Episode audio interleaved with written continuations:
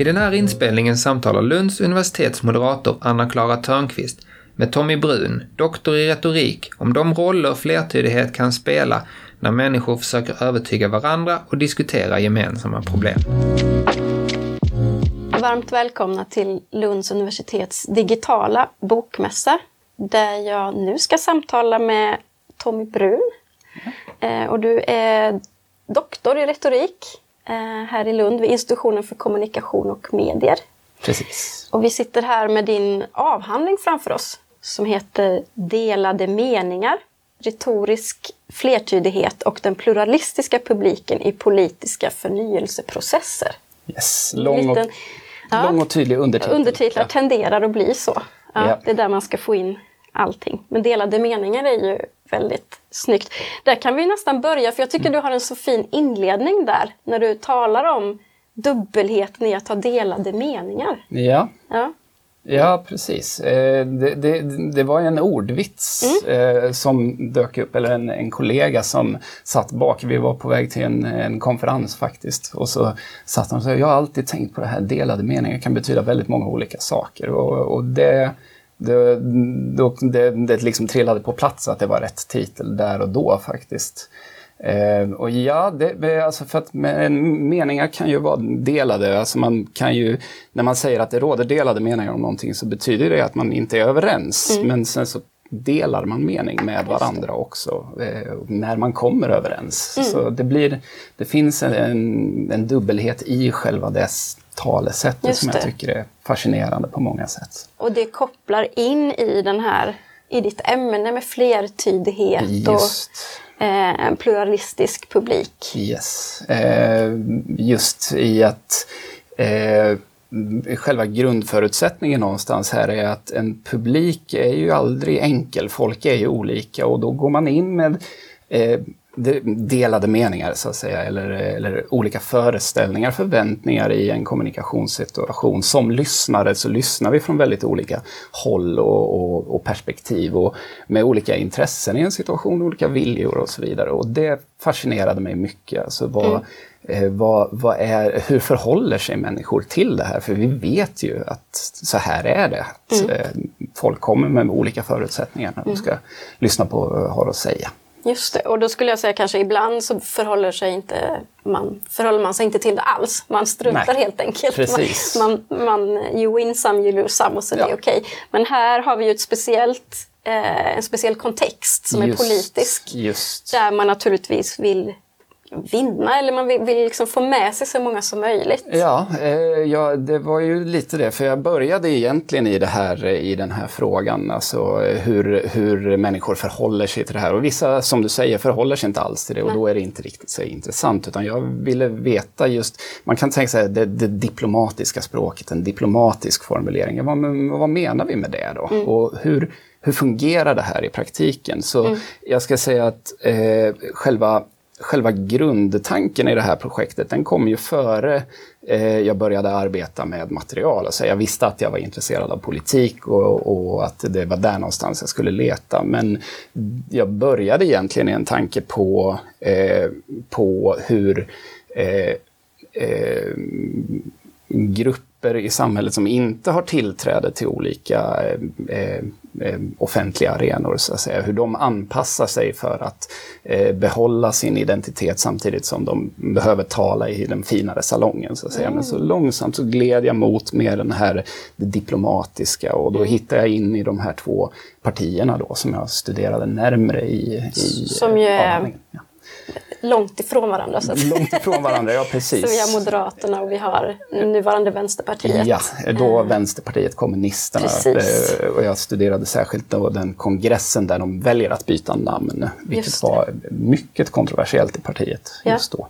Jag tänker vi ska prata om det alldeles strax, men vi kanske behöver reda lite det här med retorisk flertydighet, för för mig eh, någorlunda lekman med retorik, men svensk mm. lärare i botten så tänker jag att retorik, då ska man säga saker klart och tydligt och pedagogiskt och redigt. Precis. Så för mig står det i, i motsats till flertydighet. Ja, det är en väldigt gammal norm i, i eh, retorikundervisningen och också språkundervisning att, att eh, den finaste dygden i, i talad stil är klarhet. Mm. Eh, man kan kalla det klarhetsnormen. Mm.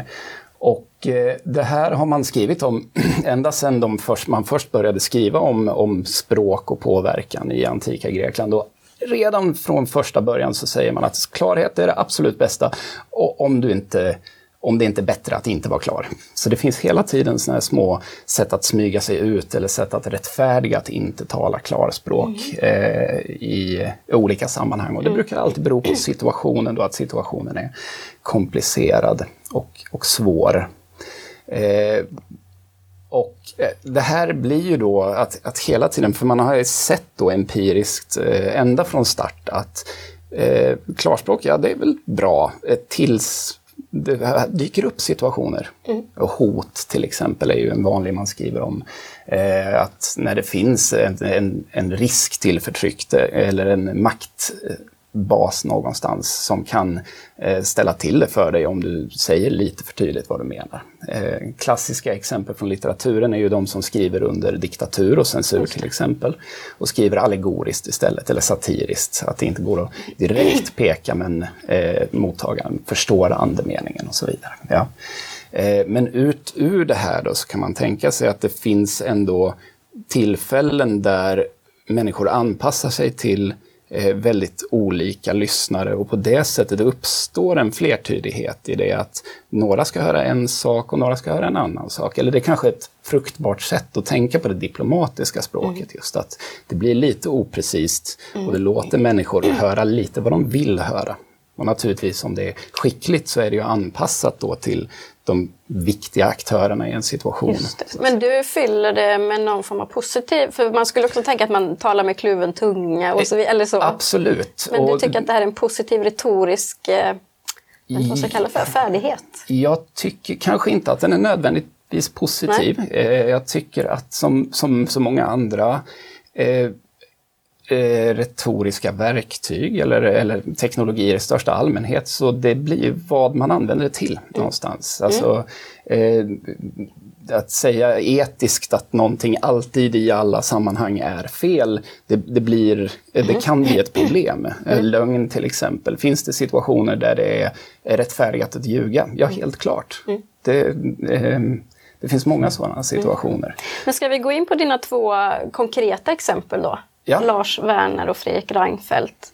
Eh, och liksom titta på vad är det de gör och vad händer i, den här, i ja. de här situationerna. Det är ju speciellt två tal, två yes. tillfällen. Ja. Nu får du säga dem tror jag så att jag inte ja, säger det, fel.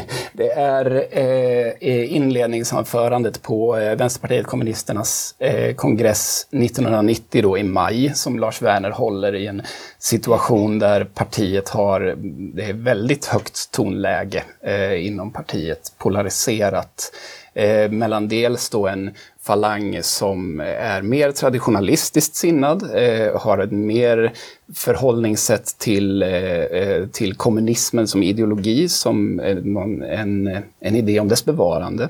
Medan det finns en falang som är mer inriktad på eh, samarbetspolitik, eh, parlamentarism och så vidare och är mer intresserad av att göra upp kanske tydligt med kommunismen så som eh, ledande ideologi i partiet. Just så, så där så har det, vi den pluralistiska publiken egentligen precis. beskriven. Mm. och det finns också andra grenar inom det här partiet som, eh, som de själva tänker på, så att säga en mer aktivistisk grupp som kanske inte är riktigt lika ideologiskt inriktade men som ändå är en tydlig del av partiet i den här perioden.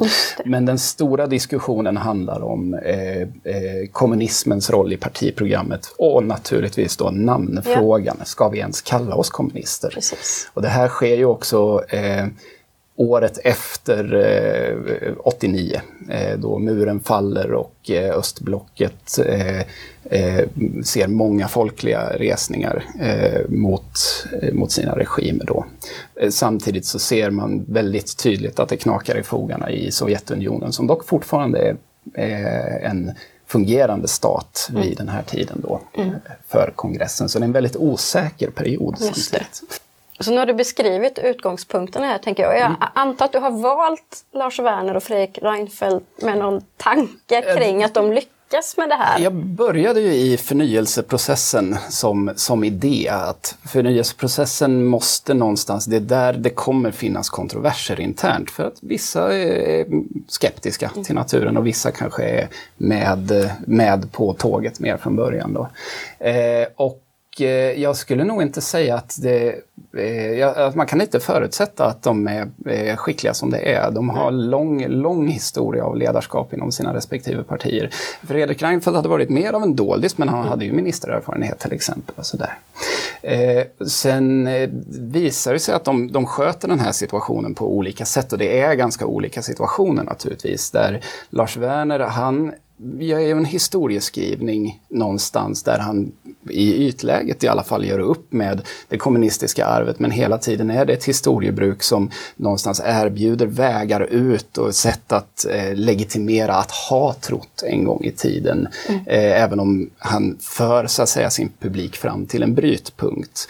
Eh, och han försöker eh, erbjuda sitt parti en ganska pluralistisk identitet här med plats för, eh, jag kommer inte ihåg exakt hur han uttrycker det, men kommunister, socialister och bara allmänt vänster, mm. som han nog säger i mm. talet. Mm. Medan Reinfeldt, han försöker snarare eh, sälja in eh, då de här fyra reformpaketen mm. eh, i olika områden. Men han gör det också med ett språk där han inte riktigt talar om syftet. Mm. Eh, om det här är en, eh, en, eh, så att säga, en tillfällig eller en mer permanent ideologisk, om det är så det är tänkt i grund och botten.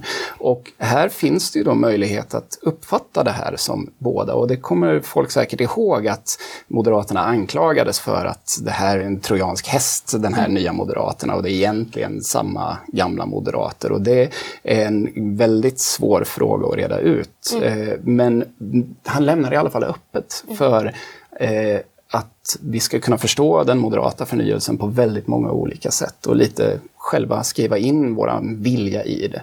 Och det kan man ju kanske betrakta också som det mer demokratiska sättet att mm. göra det på, att låta förhandlingen över tid så att säga avgöra. Mm. Eh, att det här är någonting som sker i processen där partiet arbetar tillsammans, arbetar mm. fram sin vidare politik och eh, arbetar i åtta år i regeringsställning också naturligtvis. Mm. Ja. Mm. Vi behöver avrunda vårt samtal här. Det var väldigt spännande och det hade funnits mycket mer att säga om den här flertydigheten och pluralistiska publiken. Det var ja. fint att tala med dig. Tack så mycket Tommy Brun Eh, och tack för att ni har tittat på Lunds universitets digitala bokmässa.